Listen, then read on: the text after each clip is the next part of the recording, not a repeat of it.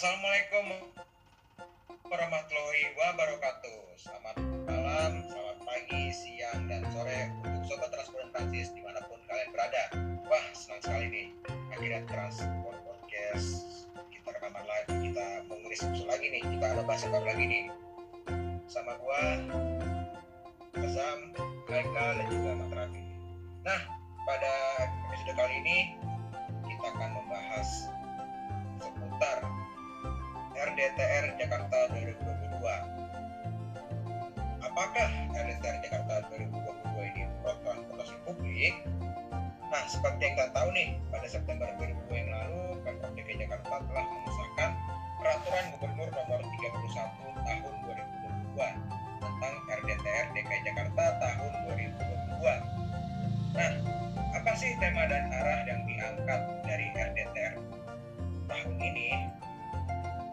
Nah, mengacu pada masyarakat transportasi Indonesia nih, tema utama RDTR 2022 kali ini yaitu mengakselerasi transformasi Jakarta sebagai pusat bisnis dan kota global yang berketahanan berbasis transit dan digital. Nah, pertanyaannya nih ya, apakah RDTR Jakarta 2022 ini transportasi publik jika kita menariknya dari tema utama yang sudah gue sebutkan tadi itu? Hmm, ya bisa sih ya. Tapi gue juga mau tambahin sih arahnya juga nih sesuai sama presentasi yang dipaparkan sama pemprov ya. Eh, arahnya tuh ada lima. Pertama, kota yang berorientasi transit dan digital. Lalu perumahan dan pemukiman yang layak, terjangkau dan berdaya. Lalu lingkungan hidup yang seimbang dan lestari, destinasi pariwisata dan budaya global, magnet investasi dan pertumbuhan ekonomi kawasan. Ya kalau ditarik lagi sama kata pro transportasi publik sih ada kata transit ya. Mudah-mudahan iya ya gitu. Jadi bisa dikatakan kota berbasis transit berarti kan kota yang didesain dengan basis transportasi umum sebagai basis utama eh, mobilitas atau pergerakan penghuni dan pengunjungnya gitu. Nah, eh, mungkin transport dan transit juga belum banyak yang tahu nih apa sih RDTR tuh. Jadi RDTR itu adalah rencana detail tata ruang atau bahasa Inggrisnya adalah spatial plan. Nah, balik lagi nih nanya gua ke Henok. Dengan adanya RDTR terbaru ini mampu gak sih merubah struktur mobilitas perkotaan Jakarta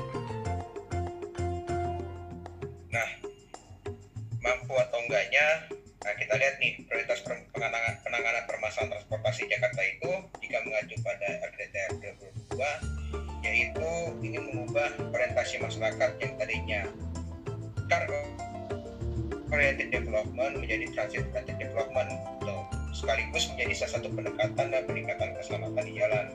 Nah, seperti apa sih contohnya? Ya salah satunya ya memprioritaskan kembali pejalan kaki, mewujudkan integrasi transportasi, terus mengoptimalkan kepadatan kota dan pembangunan vertikal dan terakhir dan ada lagi nih pembangunan orientasi area atau wilayah. Gitu.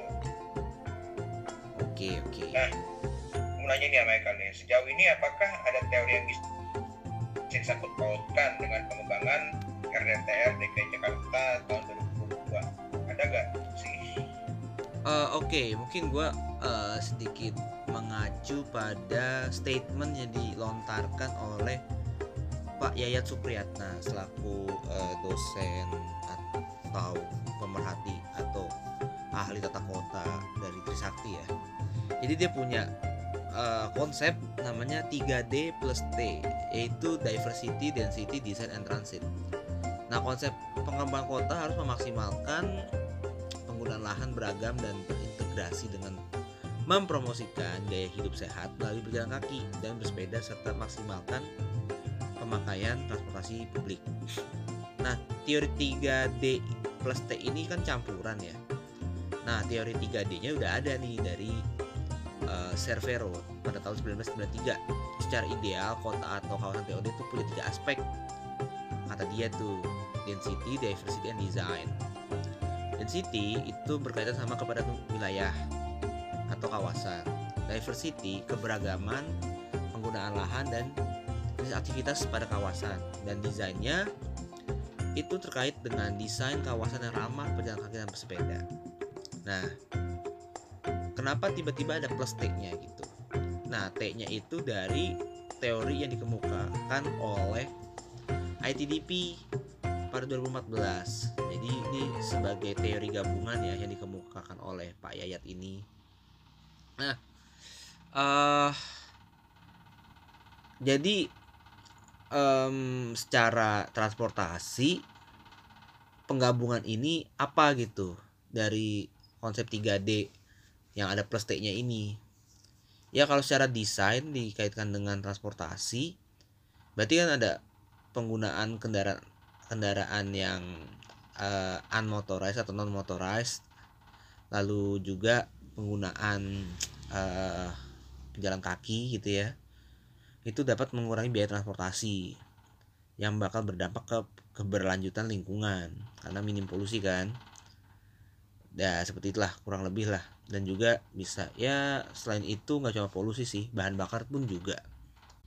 Nah terkait dari konsep 3D plus T-nya itu hasilnya apa sih yang dikemukakan oleh Pak Yayat Supriyatna terhadap RTDR 2022 Oke, jadi uh, itu mengatur intensitas pemanfaatan ruang berdasarkan performa.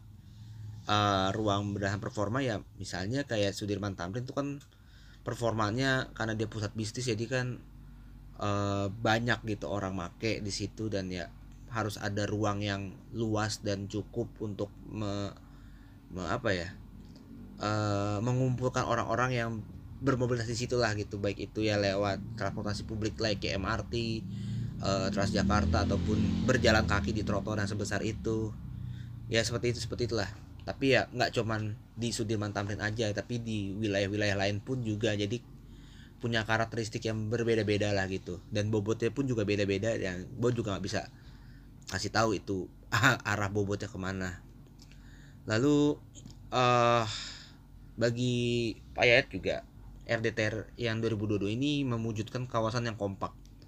Jadi banyak sebenarnya ya pengembangan kawasan kompak gitu kayak daerah-daerah yang ya apa sih namanya super blok gitu misalnya kayak Kemayoran, Kelapa Gading, terus ya TOD TOD yang sedang dibangun sama atau yang direncanakan sama MRT di tengah-tengah kota gitu ya seperti di misalnya uh, uh, Senayan lalu juga ada kawasan kompak-kompak lainnya ya uh, CBD CBD lainnya lah ya kayak Mega Kuningan ataupun ya di daerah Puri Kembangan dan segala macem itu dikembangkan lah yang berorientasi transit. Nah, mungkin juga banyak transportasi transit yang belum tahu nih maksudnya kawasan kompak itu apa gitu kan. Jadi kawasan kompak ini adalah kawasan yang penggunaan lahan campurannya berkepadatan tinggi. Dikembangkan uh, dengan arah pembangunan vertikal. Gedung-gedung apartemen segala macam dan juga uh, meskipun vertikal aksesibilitasnya itu mudah dan juga berorientasi kepada uh, pejalan kaki. Lalu uh, bagi payat juga RTTR yang 2022 ini memiliki konsep desain terintegrasi transportasi yaitu pertama juga ada fleksibilitas kegiatan hunian ya lewat rumah susun ataupun co-living dan segala macam ya gue kurang tahu. Dan juga ya TOD pengembangan TOD itu yang tadi gue bilang TOD yang dibikin oleh MRT atau direncanakan MRT seperti di Senayan, uh, Duku Atas, uh, Blok M, Fatmawati, uh, Lebak Bulus dan masih banyak lagi nanti ke depannya. Nah, itu salah satu uh, bentuk RDTR yang pro transportasi publik gitulah ya. Lantas, kira-kira ada nggak sih poin yang bisa direview dari RDTR 2022 terkait dengan pengembangan Saum di Jakarta? Oke uh, saum itu kan berarti sistem angkutan umum massal ya. Eh pasti ada sih poin-poinnya. Jadi ini gue balik lagi ke eh materi yang pernah dibahas oleh MTI Jakarta ya. Eh MTI memberikan poin-poin utama yang penting terkait RDTR 2022 itu dengan kaitan dengan transportasi ya. Yaitu pengaturan intensitas pemanfaatan ruang, variasi pemanfaatan ruang, fleksibilitas kegiatan hunian yang seperti tadi Pak Yayat bilang ya. Lalu pengembangan TOD, pengembangan kawasan kompak, pengembangan kawasan pesisir, perairan dan kepulauan seribu. Lalu detail regulasi terutama terkait pemanfaatan ruang dalam bumi dan ruang vertikal. Nah, itu ada beberapa poin yang apabila dipahami dan diimplementasi secara benar itu akan mendukung uh, pengembangan uh, DKI yang sebagai kota berbasis transit gitu sesuai dengan cita-cita RDTR 2022 ini. Mungkin bakal dibedah sih uh, satu-satu sama gue tapi uh, pertanyaannya yang akan muncul adalah kenapa pengembangan berbasis angkutan umum ya dan yang tadi Raffi bilang itu saum atau sistem angkutan umum massal itu kenapa sih penting gitu. Eh uh, pertama dorongan dari desentralisasi yang sudah lama ada ya itu meningkatkan nilai saing kota-kota lain di Indonesia dalam menarik penduduk. Nah kenapa ada desentralisasi itu kan jadi terserah kota mau dibikin kayak apa? Nah kebetulan sampai saat ini DKI Jakarta itu masih jadi ibu kota dan ya namanya ibu kota harus gimana sih tahulah transportasi tahulah kayak gimana. Harus secantik apa harus mumpuni dan semua itu demandnya sangat tinggi harus cepat segala macem. Nah itu salah satu uh, dorongannya lah ya. Lalu uh, ke depannya ini pemindahan ibu kota akan membuat posisi uh, Jakarta harus dikuatkan sebagai sentra non pemerintahan. Nah, kan tadi gue ngomong uh, ini ya dan transis ya, bahwa Jakarta masih jadi ibu kota. Kalau udah enggak, Jakarta jadi apa? Tetaplah jadi pusat ekonomi uh, Indonesia.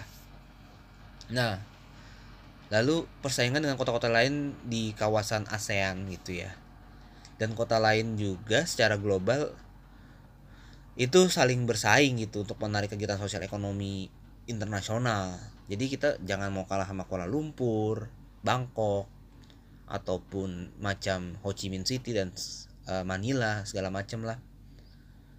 Dan uh, pengembangan berbasis angkutan umum ini penting juga karena keterbatasan ruang, permasalahan polusi, kesehatan, psikologi yang membuat pengembang kota berbasis kendaraan pribadi itu tidak lagi berkelanjutan gitu.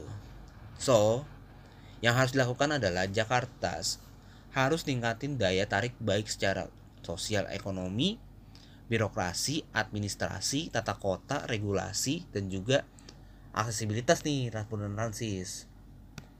Nah, seperti yang tadi gue bilang, gue akan review uh, poin-poin yang uh, dijelasin tadi ya. Kita mulai dari uh, tiga poin dulu yaitu me pengaturan intensitas pemanfaatan ruang, variasi pemanfaatan ruang, fleksibilitas kegiatan hunian. Itu relatif lebih jelas dalam mendorong integrasi pengembangan kawasan dengan pengembangan jaringan transportasi umum yang bisa kita bilang produknya adalah TOD ya. Nah tapi ada nggak sih yang dikritisi ataupun yang harus dimitigasi? Ya bagi gue sih itu arah integrasi terhadap angkutan umum juga masih cenderung ke perumahan susun gitu ke rusun-rusun. Nah terus juga integrasi secara tata ruang untuk perumahan tapak atau flat uh, ataupun juga pusat-pusat kegiatan sosial ekonomi gitu ya itu juga masih belum tampak. Dan yang perlu yang perlu dikritisi juga ataupun dimitigasi juga yaitu harus perlu uh, proaktif terhadap pemangku kepentingan terkait dalam hal yang nge-bridging nih untuk pengembangan kota ke depannya.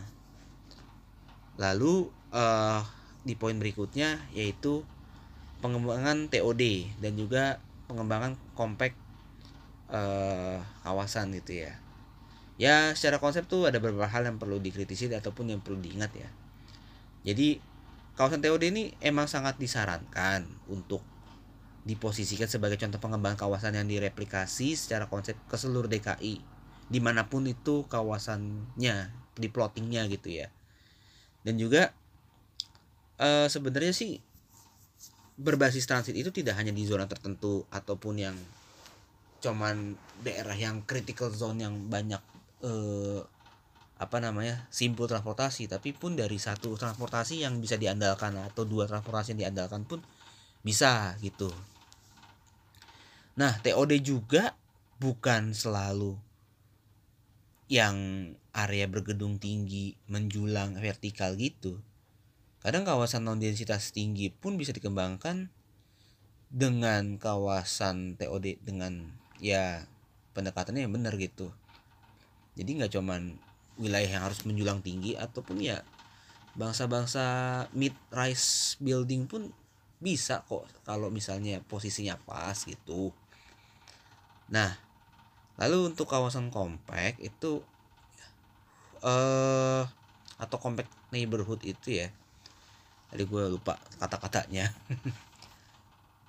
Itu wajib sih kalau perlu di berbasis transit gitu ya. Ya itu yang harus ramah pedestrian terus juga hmm, habis itu aksesibilitas ke transportasi publik pun juga eh, sesuai nyaman dan juga terhadap apa namanya kendaraan pribadi pun ya juga tetap sama sih. Jadi nggak ada perbedaan gap gitu antara TOD dan juga compact neighborhood. Nah lalu pengembangan kawasan pesisir perairan dan kepulauan seribu. Ini ya memang Jakarta dari dulu belum ada omongan ke situ. Kita antara Jakarta daratan dan Jakarta lautan itu punya gap yang sangat gede. Nah, itu yang pernah Henok eh, ngomong tuh transportasi rasis. Perbedaan ini tuh menjadi segregasi yang besar gitu. Nah bagaimana untuk mengintegrasikannya? Kan berarti kan harus ada em, integrasi secara tata ruang. Dan juga ya pasti berbasis transit itu harus diukur secara matang-matang gitu. Nggak selalu untuk moda darat gitu. Ini moda laut pun bisa gitu. Nah yang harus dikritisi dan dimitigasi adalah ya koneksi antara pulau dan fasilitas di pesisir dan juga kepulauan itu. Ya misal mau bikin trayek dermaganya ya kudu ada terus rutenya ke mana-kemana apakah itu direct atau express dan segala macem. Lalu eh, ketika sampai pesisir ya harus ada titik-titik koneksi transportasi umum juga. Yang istilahnya mereka ini kan commuting lalu ada feedernya ataupun lanjutan commuter commutingnya. Seperti ya mungkin nggak cuman feeder BRT ataupun BRT pun langsung kalau dibuatin ya monggo gitu. Lalu ya itu lagi. Harus proaktif nih pemangku kepentingannya terhadap bridging hal-hal ini lalu terakhir terkait regulasi. Ini tadi itu. Ya ini sih regulasi terutama eh, pemanfaatan ruang dalam bumi dan ruang vertikal ya. Itu kan jelas eh, mendorong pemanfaatan ruang berintens berins ber intensitas tinggi. Aduh susah banget ngomongnya. Ya dalam hal ini khususon ya di wilayah-wilayah transportasi umum gitu. Ya maksud ruang dalam bumi ini belum terlihat sih sebagai potensi zona komersil. Jadi maksudnya area-area basement gitu ya itu kan banyak yang baru cuman basement sebagai eh, apa namanya parkir doang. Padahal tuh bisa dimanfaatin untuk sambungan dari dalam mall dari wilayah mall ke MRT dan itu bisa dipakai untuk zona-zona komersil gitu transport dan transis. Em, lalu ini kan lagi dibangun juga yang katanya. Dicanangkan sih dari Tamrin 9 ke Duku Atas itu baru satu. Tapi semoga ke depannya akan lebih banyak. Ataupun ada niatan dari berbagai gedung itu mau menyumbangkan tanah bawahnya itu ya untuk dikoneksikan. Karena itu bakal men- membuat bangkitan baru gitu lalu ada namanya yang perlu dimitigasi ada konsep kompensasi penggunaan dan tidak penggunaan ruang udara belum diatur. Lalu eh, perlu juga ke itu apa namanya eh payung hukum dari pemangku kepentingan. Lalu juga bagaimana dengan pemanfaatan ruang udara menjadi satu dengan bangunan prasarana transportasi umum yang multimoda lalu nah apakah juga ada desain sekalian kotanya? Nah itulah. Sebenarnya masih banyak yang hal-hal kritisi. Kalau mau bikin eh Jakarta ini yang cita-citanya kota global tapi juga masih perlu banyak PR yang harus dijalanin. Oke, kan tadi kita sudah membahas eh, review-review umum nih, termasuk juga tadi yang disanggah Michael tuh tentang segre- segregasi Jakarta daratan dan Jakarta kepulauan nih. iya Dengan nah ini kita akan menuju ke sestra apa pertanyaan terakhir nih dengan adanya DTR terbaru juga, kira-kira apa sih tantangan terbesar yang bakal dihadapi Jakarta? Menurut lo apa kan? Oke, ya banyak sih. Tapi sebelum itu, gue pengen kasih dulu nih isi RDTR yang terbaru ya. Jadi itu katanya ada berbagai eh eh apa namanya koridor BRT baru dari koridor 14 sampai 19 gitu. Transport analisis bisa mengaksesnya langsung dengan cek di Google RDTR terbaru dan menurut gue itu bagus sih ada plan yang dijelasin tentang transportasi publik salah satunya BRT tapi ada minusnya juga masih masuk itu proyek tol dalam kota dan to- tol elevated. Ya jadi agak-agak gampang sih tapi seenggaknya seenggaknya eh bukan hanya kita nih bergantung pada satu sarana atau eh, jaringan transportasi publik tapi kita pemanfaatan dan integrasinya ini sih yang kita eh, lebih tekankan gitu membuat lingkungan baru budaya baru dan juga apa namanya eh nuansa baru vibes baru gitu lah. Kalau anak sekarang bilangnya gitu. Tapi seenggaknya ya hal-hal itu harusnya sih dicopot aja lah ya tol-tol itu. Mending taruh listnya yang MRT fase 3, 4 LRT lanjutannya yang sekarang udah fix sampai ke Manggarai jadinya yang lebih diprioritasin ya dibanding yang ke JIS. Gitu ya alhamdulillah lah. Tapi kita balik lagi ke tantangan ke depan ini.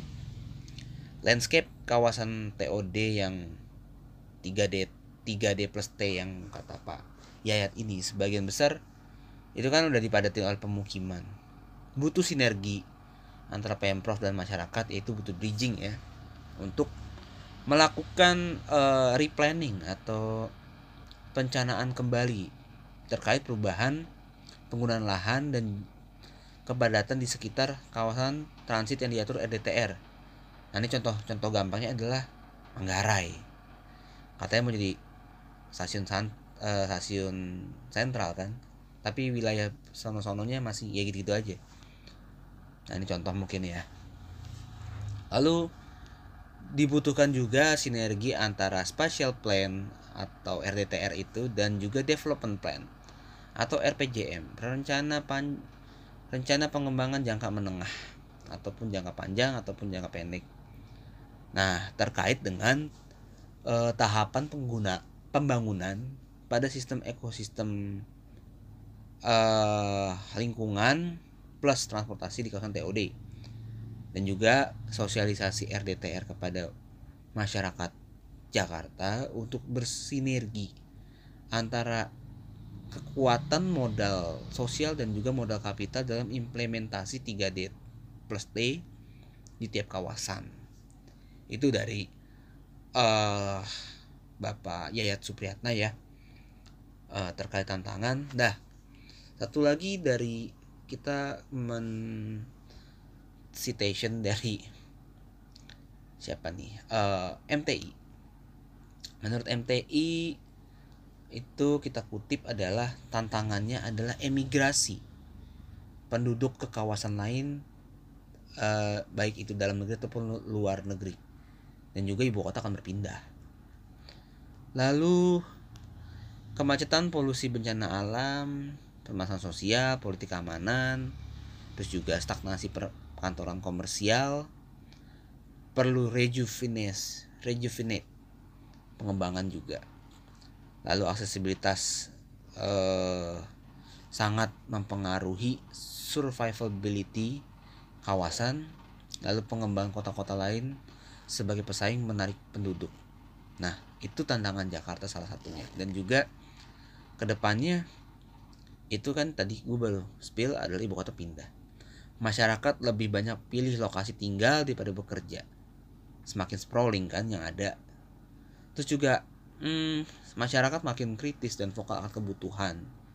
Karena ya itu eh faktor stagnasi perkantoran dan juga aksesibilitas tadi.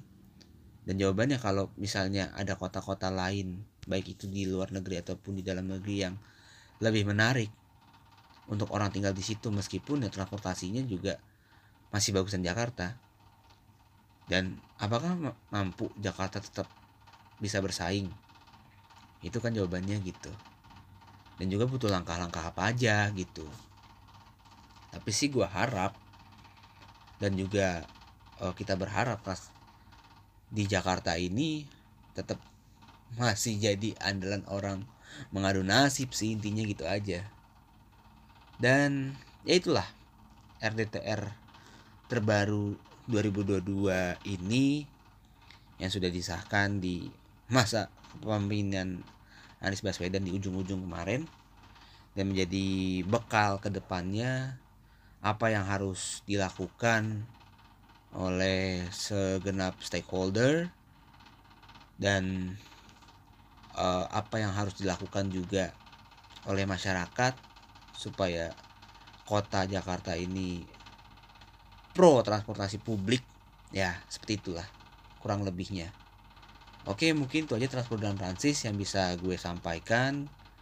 Eh, kami dari Transport Podcast undur diri dulu. Sampai berjumpa di episode berikutnya. See you. Dadah